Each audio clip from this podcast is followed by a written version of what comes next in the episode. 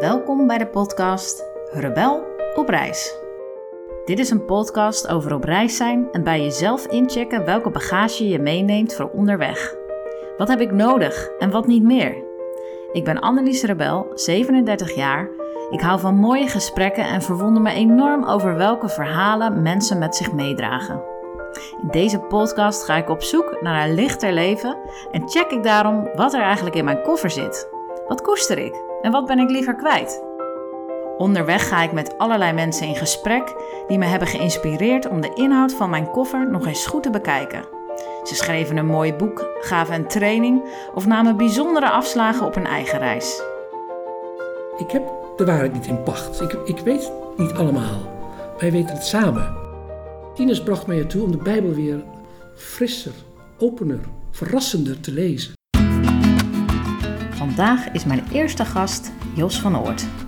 Jos startte in de horeca, ging op latere leeftijd theologie studeren en werd dominee. Hij preekt nog steeds regelmatig en maakte tot begin vorig jaar het tv-programma Met Hart en Ziel. Jos is groot liefhebber van oeroude verhalen en de Bijbel is een van zijn belangrijkste bronnen van inspiratie. Samen met zijn zus Ines van Oort, oprichter van de Happiness, ging hij in gesprek en op reis langs plekken uit de Bijbel. Daaruit kwam in 2017 het prachtige boek Rebible voort, dat voor mij een belangrijke kentering betekende in mijn eigen zoektocht. Ik spreek Jos over zijn gesprekken met zijn zus en hoe we zo naar de Bijbel kunnen kijken dat het onze koffer niet te zwaar maakt. We verdiepen ons tot slot ook samen in een Bijbelverhaal en het had niet veel gescheeld of we hadden met een wijntje in ons hand getoost op het leven. Welkom. Dankjewel. Je mag, uh, zoals elke gast uh, aan het begin van de aflevering, uh, de kaars aansteken. Ja, dat is een hele mooie rite van je. Want wat zegt jou dat? Het ja, aansteken van is- het licht? Dan komen de liederen naar boven die we zingen in de liturgie. Als alles duister is, ontsteekt dan een lichtend vuur dat nooit meer dooft. Elke viering begint met, eh, met, met dat licht, het symbool van, van, van God, van, van Jezus die zegt: Ik ben het licht. Dus het, het is voor mij niet alleen maar een kaars eh, van de HEMA, maar het is ook echt heel symbolisch voor, voor dat, dat uiteindelijk toch het licht wint, overwint van duisternis. Deze is trouwens, die ene is wat aarzelend, dat hou ik ook wel van, een beetje twijfelgeval. Ja, die weet nog niet helemaal of die voluit mag Ja. gaan schijnen. Hè? Maar dat vind ik wel symbolisch voor mijn leven. Nou, Jos, ehm, het is het eh, ja, eerste interview eigenlijk dat ik eh, doe met iemand. spannend. En ehm, dus er zit dan ook meteen een dominee aan tafel. eh, om het maar even licht te houden. Hè? Jij ziet jezelf echt als liefhebber van de Bijbel. Hè? Ja. Terwijl die voor veel mensen, en ook wel voor mij, ook best wel zwaar is geworden. Maar wat maakt nou dat je zo'n liefhebber ervan bent? Ja, het is, het is, het is de ontdekking in je, in, je, in je jeugd meegekregen. De basis is wel gelegd in, eh, in de vrijgemaakte kerk in Brouwershaven, waar we naartoe gingen vanuit Haamstede. Er was een dominee Keizer die zo prachtig kon preken over, over bijbelverhalen. En dat, dat, is toch een basis geweest, denk ik. Maar later heb ik het gewoon losgelaten. Ik ben de horeca ingegaan, eh, de hotelscholen een paar jaar gedaan. Uiteindelijk komt dat toch in je leven dan weer boven. Toen ben ik echt veranderd van opleiding. En via een middelbare theologische opleiding kon ik gaan studeren. En niet, niet om direct ook wel weer aan mensen door te geven hoe spannend die Bijbel is, maar voor mezelf. Van, meegekregen van, vooral van mijn vader, moet ik zeggen. Van wat, wat is dat voor een boek? Ja. En dat was zo'n mooie ontdekkingstocht. Heeft me zoveel opgeleverd. Omdat ik ontdekte dat het, dat het levensverhalen zijn. En dat ik direct al doorkreeg, ook in mijn opleidingen, dat dat niet een geschiedenisboek is, maar om een beetje met jong te zeggen, archetypen zijn. Ik ontdekte mijzelf in die Bijbelverhalen. Ik was Abraham die wegtrok. Ik was Mozes op die berg. Ik was Elia die af en toe het leven niet ziet zitten. En in, de, in, in stilte iets van het goddelijke ging ervaren. Dus het, het waren verhalen waar, waarin, ja, die, die mij een spiegel voorhielden van wie ik ben en wie ik mag zijn. En toen uiteindelijk, door een scheiding, door de dood van mijn moeder, dan komt dat binnen. Toen heb ik gekozen op latere leeftijd om een gemeente te gaan zoeken. Om te kijken of ik wat ik ontdekt heb door kon geven aan een gemeente, lokaal, aan mensen. En ik kan het niet laten, ik ben nu 73 en ik heb het afgelopen zondag weer gepreekt en zondag mag ik weer. Ik kan het gewoon niet laten. Het zit in me. Ja. Ik, wil, ik wil het vertellen. Dat het geen saai boek is. Dat het niet een boek is van voor de oorlog. Maar dat het een boek is van nu. Over jou en mij. Hey, en toen uh, klopte op een gegeven moment je zus bij je aan. Zei, uh, Ja. Jos, ik wil weer uh, de Bijbel induiken. Wat op zich al een hele opmerkelijke stap was. Hè? Zij zat natuurlijk in een hele andere spirituele Mhm. stromingen. En toen, Ja, het was zei je meteen ja? Zei je meteen yes, gaan we doen? Of hoe... eh, zeker als je zus een beroep op je doet.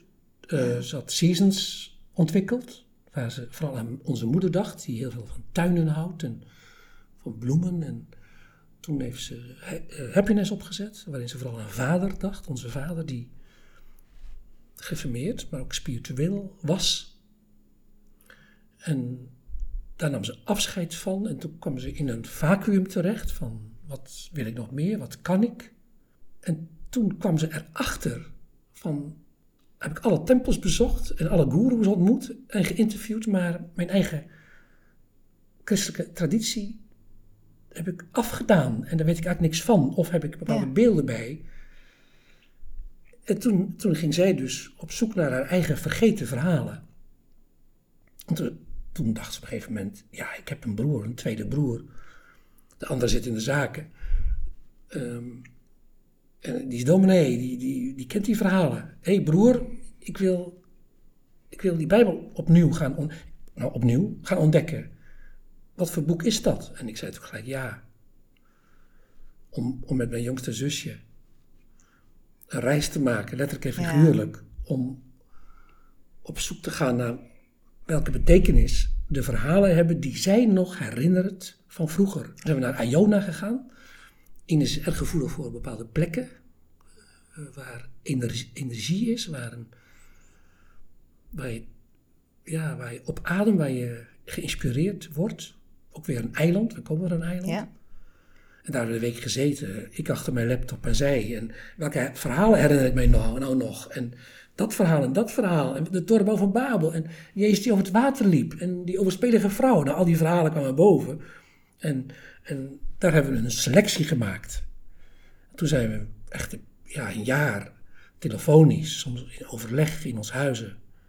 En soms op reis gegaan om, om uiteindelijk eh, zover te komen dat het een boek werd, Re-Bible. Hey, jij was tot die tijd was je natuurlijk al heel veel met Bijbelverhalen bezig. Ehm, wat heeft het jou nou gebracht om zo op die manier met je zus weer de Bijbelverhalen in te duiken? Deed het je ook weer andere dingen zien? Of wat, wat gebeurde daar? Ja, een soort, het woord frisheid komt in me op. Opnieuw kijken naar een verhaal. Ik ben theoloog. Ik heb mijn exegeses in mijn kast staan en mijn commentaren. En zij komt, mag ik het heel oneerbiedig zeggen, van, van, van nergens vandaan.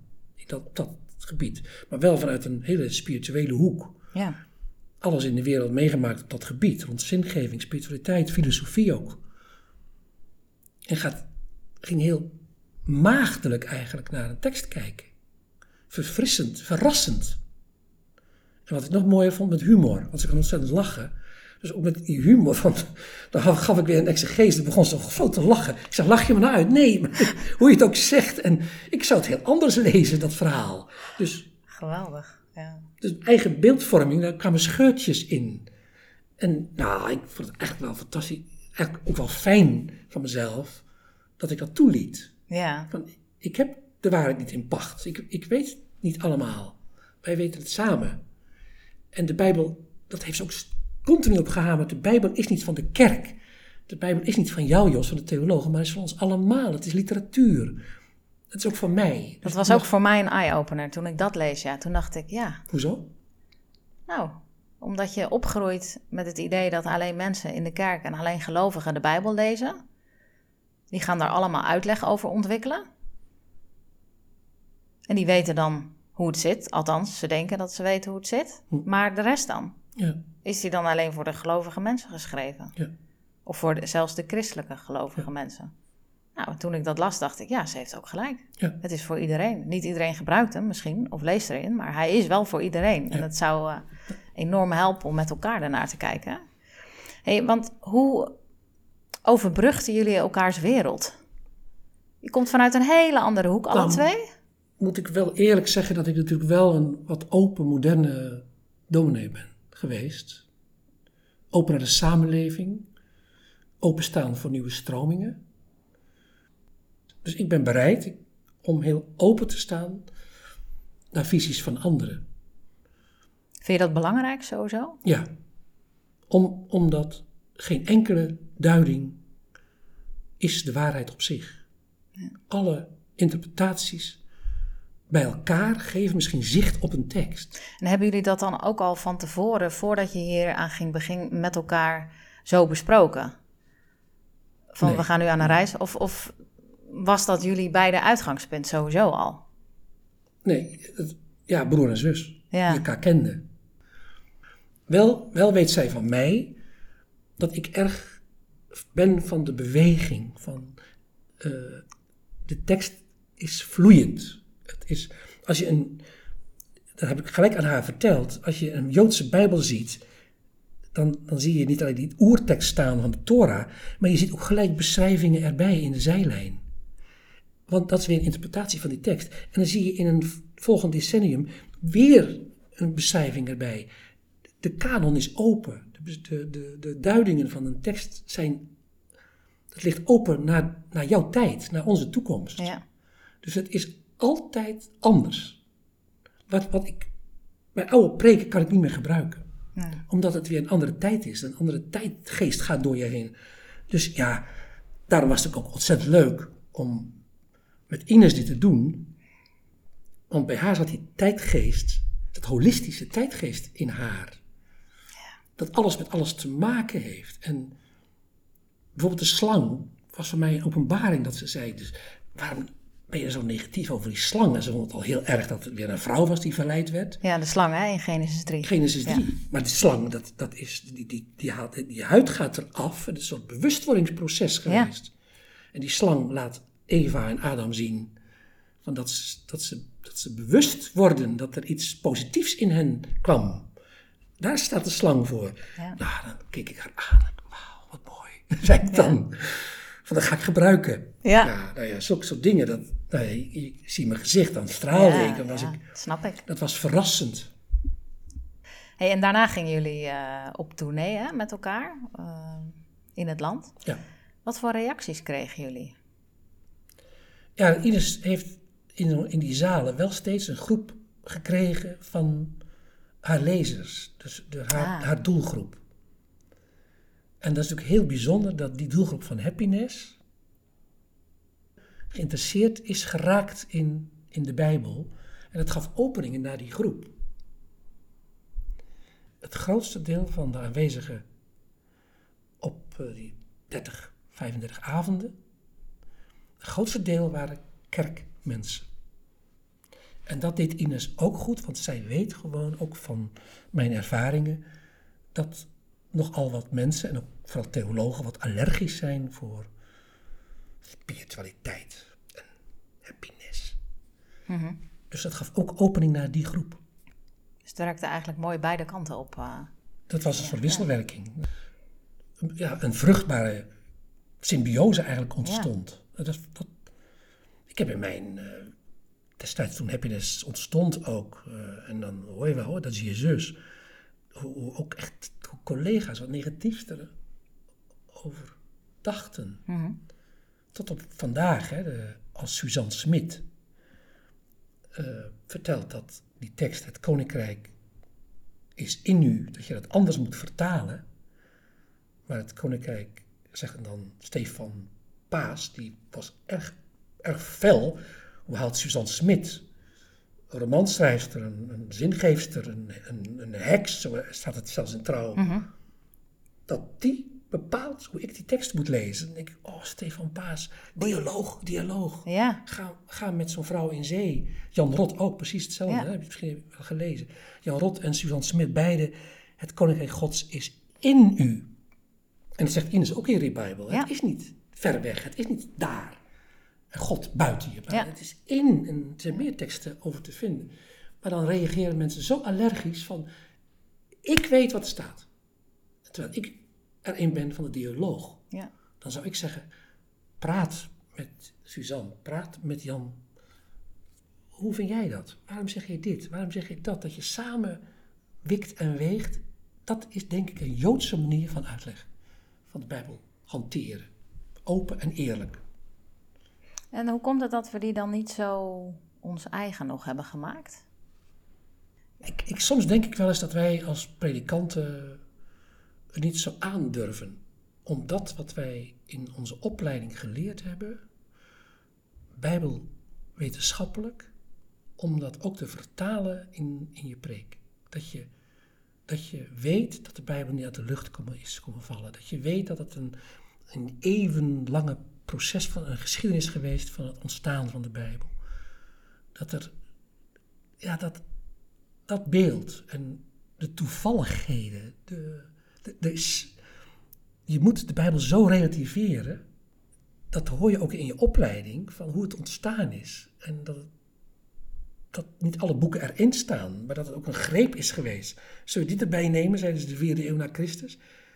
Heren en in synode. Nee, Die niet en die wel. En later zijn er nog andere Bijbelboeken ontdekt. Een derde brief van Korinthe. en- Maar misschien hebben we dat niet zo gedurfd om, om, om dat tegen onze gemeente te zeggen. We hebben ze Ja. niet zo mondig gemaakt, denk ik, in het verleden. Vooral het begin, Genesis 1, is, is niet een historisch verslag, maar het is een, een loflied op de schepping, ontstaan in de ballingschap. Dat is iets anders Ja. dan, dan in die zeven dagen. Dus Maar ik ben daar dus heel laat pas achter gekomen. Hè? En zelfs sommige dingen dat ook. Dat de verhalen ook eh, eigenlijk gestapelde verhalen zijn. Scheppingsverhalen bestonden er al. En in elke tijd kwam er een nieuw scheppingsverhaal bij. En sommige verhalen in de Bijbel zijn ook van die gestapelde verhalen eigenlijk. Die bouwen voort op verhalen die al bestaan. En er waren echt een aantal dingen in Rebible die ik pas, nou ja, dus drie jaar geleden denk ik dat ik het boek heb gelezen. Nou, ik ben 37. Min 3 is 34. Dan ben je 34.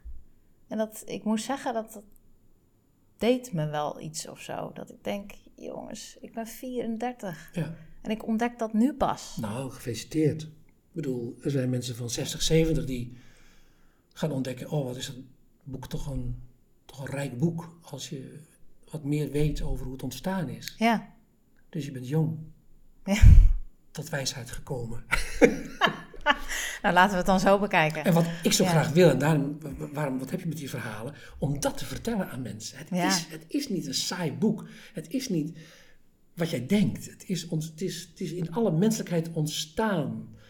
Van, van vader op zoon, van moeder op dochter. En van horen zeggen en weer veranderd. En ja, Het is een boek die net als het leven eigenlijk continu in beweging is. Ja.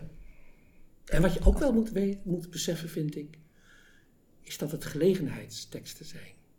Ze zijn niet aan ons gericht, in de eerste plaats. Ja. Denk aan de brieven of Matthäus, Marcus, Lucas, Johannes. Dat zijn evangeliën gericht op die gemeente waarvan alles gaande was. Paulus richt eh, brieven aan de gemeente waar Soros was, Efeze, Korinthe. Hij richt zich, dat is duidelijk, zijn context is duidelijk. Dus je kunt niet zomaar zeggen, wat staat er in de Bijbel over abortus of over euthanasie of over, noem actuele thema's op. Want het, is, het, het zijn gelegenheidsteksten, ontstaan in de eerste eeuw na Christus. ja. Dus je kunt niet zomaar dat hanteren naar deze eeuw. Dan moet je ook de geest laten, laten spreken en, en zelf aan de slag. ja. Om te zoeken naar, daar werd het zo gezegd, hoe zou ik het nu mogen zeggen?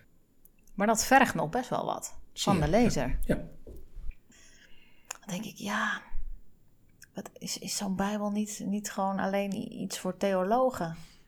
Want hoe kan ik nou al dat werk, die, die moeite die jij er al in stopt, Ja. deels ook vanuit je werk, maar hoe kan ik dat opbrengen, weet je wel? Dus het wordt alweer heel snel heel zwaar, dat merk je nu. we hebben er een theologenboek van gemaakt, helaas. En ik moet wel zeggen, met theologen, dat je af en toe wel fijn is dat je wat Hebreeuws kent en Grieks. Om te lezen wat er staat, om de context te duiden. Dus af en toe boeken over de Bijbel lezen kan beter zijn. Ja. Boeken over de Bijbel zijn vaak ook spannender dan de Bijbel zelf. ja, klopt. Daar vond ik die Bijbel ook zo geweldig. Oh ja, ja. Ja. dat is de Bijbel ook zo. Ja. Maar als je me nou vraagt, Annelies, lees jij nou zelf nog de Bijbel? Behalve die Bijbelverhalen die ik dus aan mijn kinderen vertel. Dan zeg ik nee. Hm. Het lijkt wel alsof ik. Ik lees die Bijbel. Ik denk, ja, dat, je kan dus echt op heel veel manieren zo'n verhaal lezen. Eh, wetende van de context waarin het is ontstaan, eh et cetera.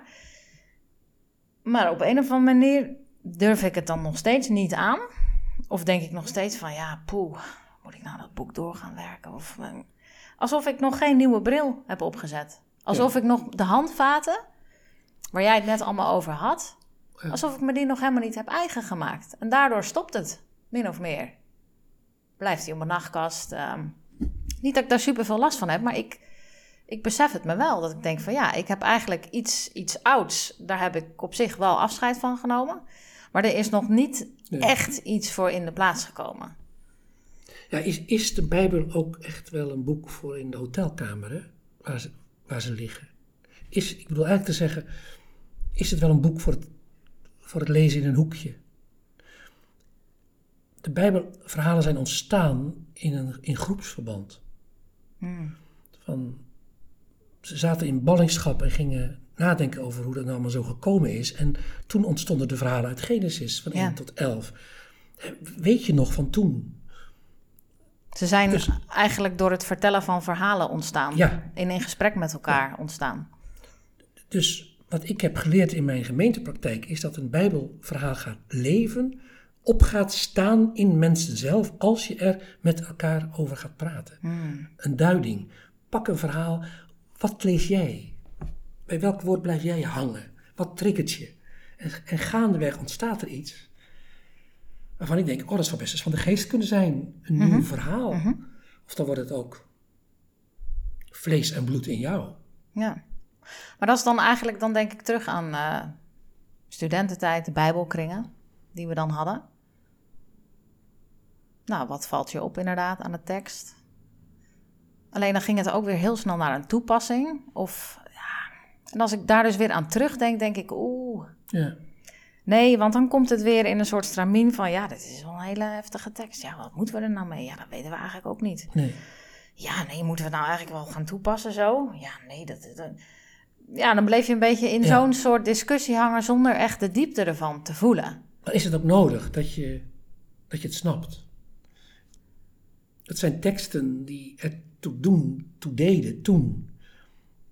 Dat Jezus dat verhaal vertelt. Nou ja, ook in de Bijbel staat dat verhaal over de overspelige vrouw. Ja, Wat moet je daarmee? Maar totdat, je, totdat Ines zei van... Jos, wat schreef hij in het, wat schreef hij nou in het zand? Ik, zei, ik heb zeven jaar gestudeerd, zei ik, maar ik weet het niet. Toen zei zij, nou, misschien wel iets hele mooie tekst, maar... Maar door de vloed ging die tekst weer weg. En morgen is het weer anders. Dus wat, Je- wat Jezus vandaag opschreef in het zand, verdwijnt weer. En morgen moet hij weer iets anders zeggen. Dus, en zo ook, is ook de Bijbel van, van toen, moet je misschien nu ook weer anders zeggen. ja, Eh, en dat, dat is, in jouw koffer zou ik, moest eraan denken net, een veertje doen. Een veertje van de geest. Een duivenveertje. Mhm. Van, laat die geest maar werken in jou. Lees dat verhaal. En soms leg je het terzijde. Mhm. Dan kan je het niet duiden, dan heb je er niets aan. Dan blader nog eens door naar een ander verhaal. Dat kan je misschien wel aanspreken. Want de Bijbel is natuurlijk een bibliotheek, hè? ja, van 66 boeken voor de protestant in eeuwenlange traditie ontstaan. Dus zoals in een bibliotheek mag je, hé, hey, dat pak ik eruit. Ik pak nu bijvoorbeeld een prediker. Van, ik moet met een prediker aan de, aan de slag. Van, eh, andere teksten laat ik. Paulus is voor mij eigenlijk niet actueel genoeg. Niet, ik kan er niks mee. ja. Dus vooral het Oude Testament spreekt mij erg aan, de verhalen. Nou, dan denk ik, dat, dat mag. Zo mag jij ook je, ja, je, je keuzes maken. En je mag het ook terzijde leggen. Ja, het, het, de- Bijbel zelf is, is, is zo rijk aan ervaringen. Zoveel mensen komen daar aan het woord. tegenstrijdig, verdubbelingen. Echt, echt ook niet één geluid. Dus als iemand zegt het woord van God zegt, dan zeg ik, waar staat het? Door wie is het geschreven? In welke tijd? Wat was de doelgroep? Dus je kunt niet zomaar zeggen, de Bijbel zegt dit of de Bijbel zegt dat. Het is altijd heel divers. Ja. Heel verschillend, heel veel. Ja, dat was ook een van de dilemma's hè, die ik aan je voor wilde leggen. Waardoor ik ook het gevoel had dat die Bijbel heel zwaar kan worden. Als het het soort onfeilbare woord van God wordt, waar niet aan te tornen is. Ja, dan wordt het toch zo'n zwaar blok. Ook in bijvoorbeeld oud-testamentische verhalen, dan gaat het over een God aan wie je moet gehoorzamen, die iets wil. En dan worden mensen gestraft die niet gehoorzamen. En dan denk ik al, nou, laat maar weer. Daar staan heel veel struikelteksten in. Ja, Ja. inderdaad. Waar je- Ja, waarvan je echt denkt, ja, Over het geweld en eh, dat, dat moet je maar laten, ja. ja, Dat is echt, echt historisch bepaald. ja. Ja, als je gaat ontdekken dat het een mensenboek is, met levensverhalen van mensen die geïnspireerd raakten door, door die naam die niet te, die, die te noemen is. Mhm. JHWH, een, een geheim, een, een, een kracht hebben ze ervaren. Ik ga stotteren en stamelen, de, de zijnde, ik ben. Als, als, als dat overblijft van wat je leest, dan is het andere ook niet meer zo belangrijk, denk ik Nee. dan kan het ook verlichting geven. Dat, Ja. dat je ook mag zeggen, dat, dat doet er wel toe en dat niet. Dat was ook een ontdekking van Ines. Van, ja, Jos, jou, de God van jouw geloof, ook ik ben? Die ben ik overal tegengekomen op mijn reizen door de wereld. Dat is ongelooflijk dat, dat zij dat zo een soort, bijna ontwapenend van, het is niet allemaal zo slecht. Of zo zwart. Of haar oordelen vielen weg. Hey, en vind je die geest, zou maar zeggen, of die ik ben, Ines zei, ik ben hem overal tegengekomen in de wereld, hè? Ehm, vind jij hem ook in allerlei andere boeken of plekken? Of waar vind je die nog meer? Ja, ik heb zondag weer dat lied laten zingen van Huub Oosterhuis als schriftlied. Toen ik hierheen reed, eh, luisterde ik thuis naar Ik zal niet rusten voor hem, de enige, de eeuwige, wa- de enige ware, totdat hij gevonden heeft een plek waar hij wonen kan. Een, een lied van Huub Oosterhuis, dan word ik zo ontroerd en geraakt. Maar het is niet alleen maar de tekst of liederen van Huub Oosterhuis, maar ook romans of zelfs de verhalen van Toon Tellegen gebruik ik vaak. Daar heb ik mijn, mijn kinderen mee, Ja, die is ook geweldig. mee geleerd om dat een dier meer is dan een dier. De sprookjes, Mhm. die maken de kinderen warm voor de beeldtaal van de Bijbel. Ik, daarom ben ik denk ik ook zo gek op de Bijbel. Want ik, ik las in mijn babyboek van moeder, oh Josje, je kunt nog zo weinig woorden spreken. Ik was niet talig. Ik was beeldkind. Dus als in de lagere school iemand, onderwijzeres, het had over een boom, dan ging die boom voor mij leven. En een vriendin zei een keer tegen mij, oh Jos zit hier op zo'n wolk. En dat, dat zijn, daarom spreekt me het allemaal zo aan. Omdat het in de Bijbel om die tweede taal gaat. De taal van je hart. De taal van, van je ziel. De taal van wat niet te zeggen is. De beeldtaal. Kon je daarin ook verbinden in dat soort taal met je zus eh, Zie je. op die reis? Dat is ja. Maar zij moest ook wel weer ontdekken dat die Bijbel ook in die taal geschreven is. Ja. Dat ja. water niet zomaar water is. Ja. Dat als Jezus over het water loopt, dat het niet letterlijk is, wat mij betreft. Maar dat jij ook over het water kan lopen. Want water staat voor angst. Water staat voor het monster van Loch Ness. En jij kunt over het water. En dat vond Ines toch. Oh, kan jij het ook zo lezen? Ik dacht dat het een dwaasheid was. Of water Ja, want zij, zij wist ook weer uit allerlei andere spirituele tradities wat de betekenis van water ook kon zijn. Hè? Ja, ja, dat zei ze zo. Zo, ja, Ja. zo vult dat elkaar toch weer Ja. aan, ja. Dus dan is het fijn om te weten, wat jij ook ontdekt hebt, Ja, dat die Bijbelse taal niet, niet ook uniek is, maar dat het ook te vinden is in andere godsdiensten en religies. En ik ben ervan dat het elkaar kan, kan helpen, kan bevruchten. Dus, dus Ines bracht mij ertoe om de Bijbel weer frisser, opener, verrassender te lezen. We gaan een uh, oefening doen.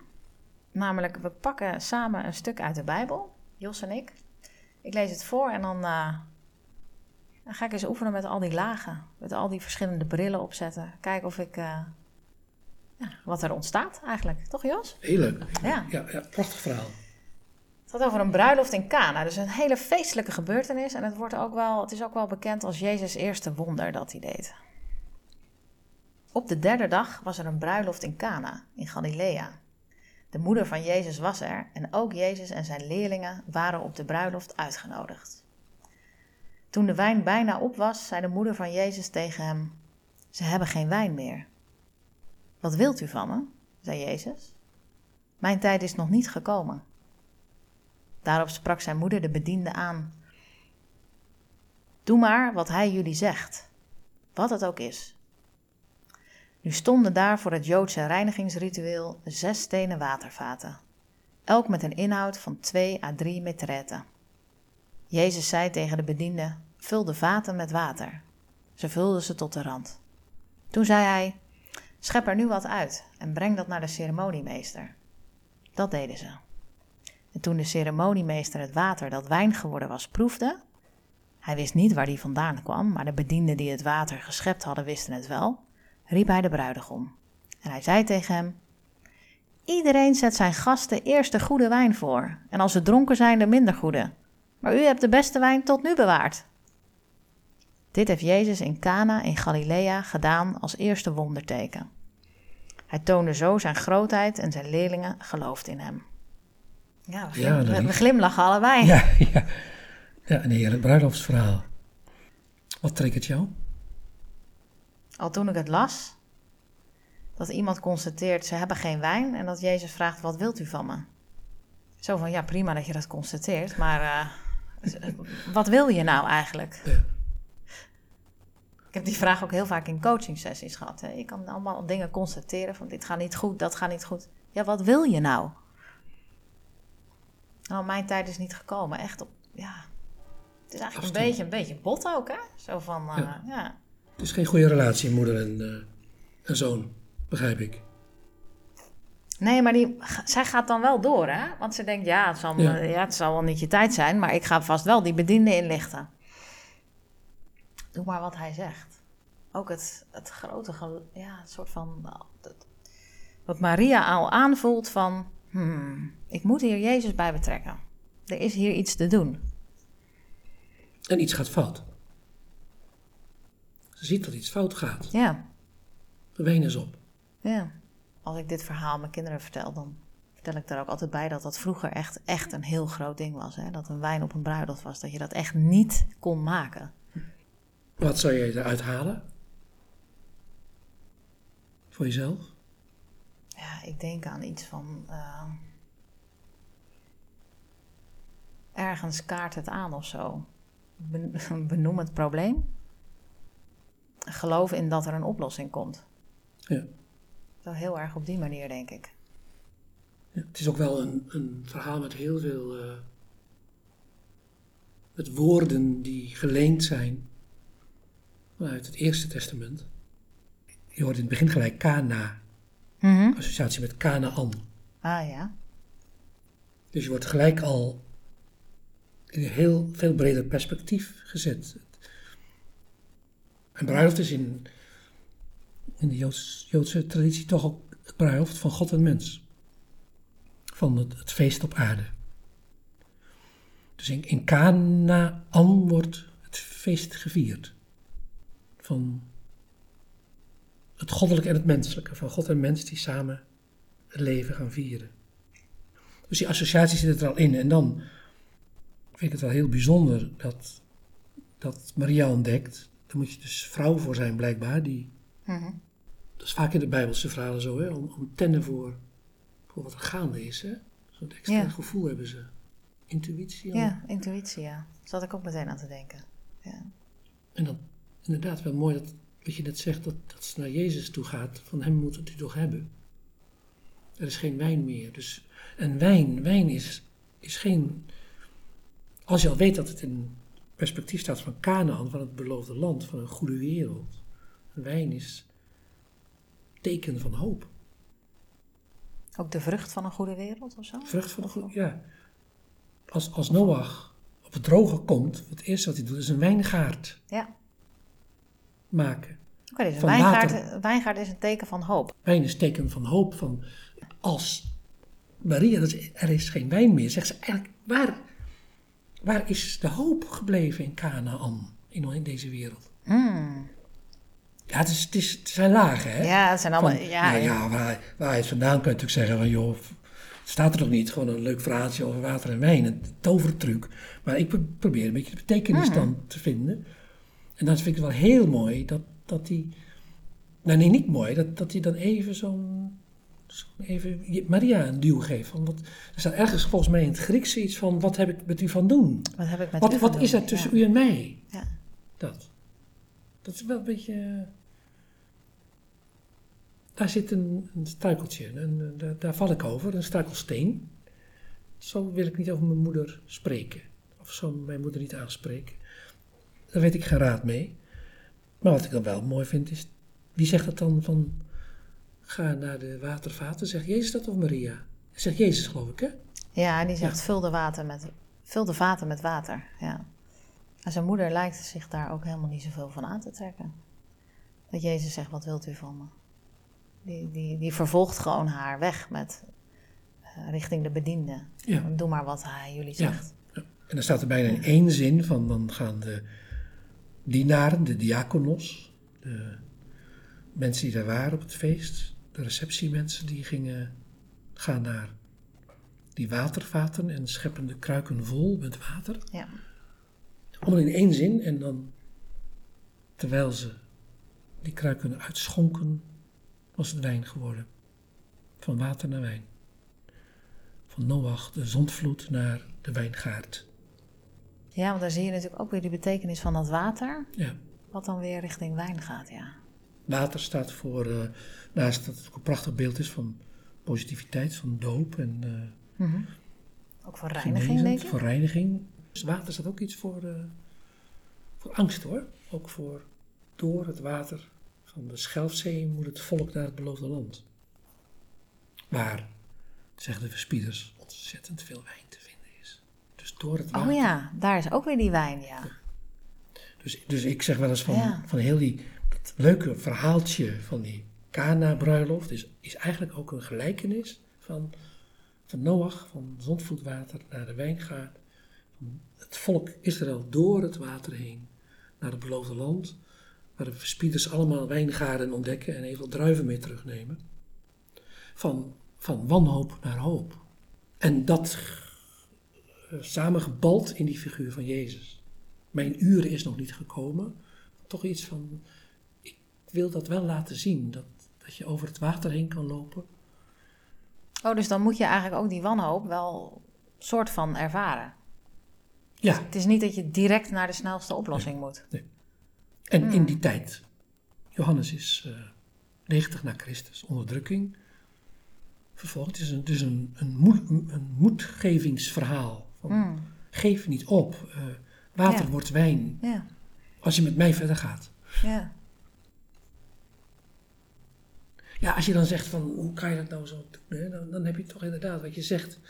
je, zei, je vroeg in een eerder gesprek, het is toch een theologenboek, je hebt daar dus wel wat uitleg bij nodig Zo. om het te verstaan. Ja. En jij helpt mij daar wel bij, want ik ken al die beelden die jij schetst en de verwijzingen naar de andere verhalen. Ik ken die andere verhalen, dus dat gaat meteen een belletje rinkelen. Alleen, oké, we doen het nu heel snel, maar ik lees het dan toch nog best wel plat, merk ik. Snap je? Ik ga Ja. niet, ik, ik denk niet bij Kana, hé, hey, waarom zou dat Kana zijn? Of waar staat, die, hè, waar staat die wijn nog meer voor? Ja. Dat is precies die oefening, denk ik, die... Dat is die verdiepingsslag die, die zo'n verhaal nog meer laat leven. Ja. Ja. Dan heb je nog een exegeet nodig dus, een theoloog. Ja, Of ja of je- het een paar keer zelf doen en dan Ja. weten van... oh ja, zo kan ik het dus ook lezen. ja. Ja, Maar jij zou dit met mensen kunnen lezen in Den Haag, met je collega mensen, in een inspiratiesessie. We lezen dit verhaal. Ja. En dan aan, aan je collega's vragen, waar, waar is het water dominant aanwezig in je leven? Waar, waar loopt het niet? Waar mislukt het met ons? Met, nou ja, met het leven, met het team, met je... Ook in de kerk zou je dat met elkaar kunnen Ja, bespreken. ja. In de banken. Wanneer, waar is nou het gebeurd dat, dat, dat alles water blijft? Dat, dat mijn lippen, het water stijgt mij tot de lippen. Ja, ook weer zo'n beeld, ja. ja. En dan, tijdens dat gesprek, kom ik dan langs met een fles wijn. En dan schenk ik een beetje wijn in. En waar, waar gebeurt het nou in jouw leven dat je, dat je merkt, daar is water wijn geworden? En dat is nu voor bedoeld voor die vervolgden en voor die mensen die in onderdrukking zijn. Maar wij hebben het ook af en toe een beetje lastig in het leven. Jazeker. Ik zie je denken. Ja. Ja, ik moet ook meteen denken aan eh, wanneer werd water wijn, zou ik maar zeggen. Dus eh, mijn moeder is dan een tijd geleden overleden. Elf jaar denk ik inmiddels. Ja. Ik heb dat in die tijd ook zo ervaren, dat dat water wijn werd. Of dat het verdriet, ja, je, er zijn verschillende beelden, hè. Dus dat je tranen weer eh, zaadjes worden voor Oh ja, nieuwe bloemen en Ja. planten. Mooi. Toen is ook mijn liefde voor taal ontstaan. Ik heb heel veel gedichten geschreven in die tijd. Dat, dat ergens moest dat naartoe, die, hè, wat, ik, wat ik meemaakte. Dus ik heb heel veel geschreven. En daar ontstonden dan weer mooie, mooie dingen uit, eigenlijk.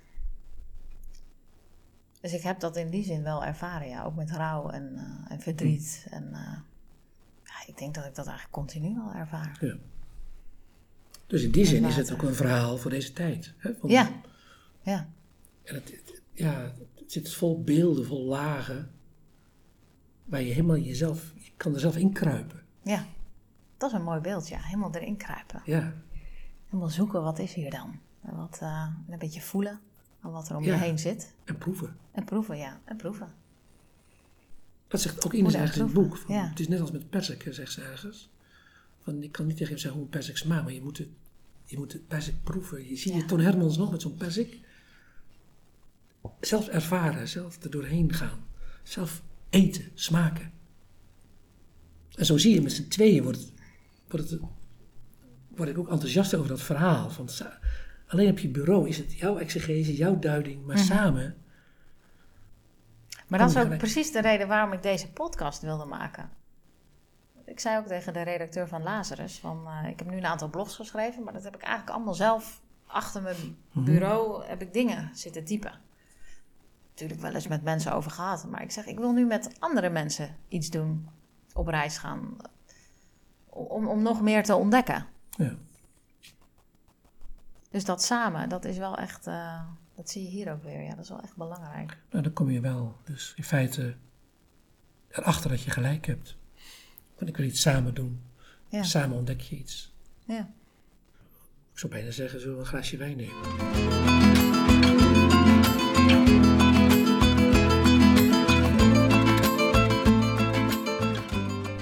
Ik hoop wel dat jouw koffer, als je op reis gaat, licht blijft. Dat je hem zo op kan pakken. En dat daar in die koffer wat woorden dwarrelen. Mhm. Ehm, het veertje, misschien ook een paar mooie teksten uit de Bijbel, maar, maar woorden over liefde en aandacht en gerechtigheid en hoop. Dat, dat zijn zulke woorden die we nodig hebben in deze wanhopige tijden. Mhm. Jij, mens, beeld van God. Nou, die woorden mogen in jouw koffer dwarrelen, vind ik. En dat je die even af en toe uitpakt Hm. en aan optrekt. Dat, dat dat lichtgevend is en lichtdragend is, hoop ik voor je. Ja. Dankjewel, Jos. Ik vond het fijn met je. Dankjewel. Leuk dat je luisterde. Wil je ook mee op reis? Ga dan naar anneliesrebel.nl. Daar vind je alle andere afleveringen en extra inspiratie voor jouw eigen reis.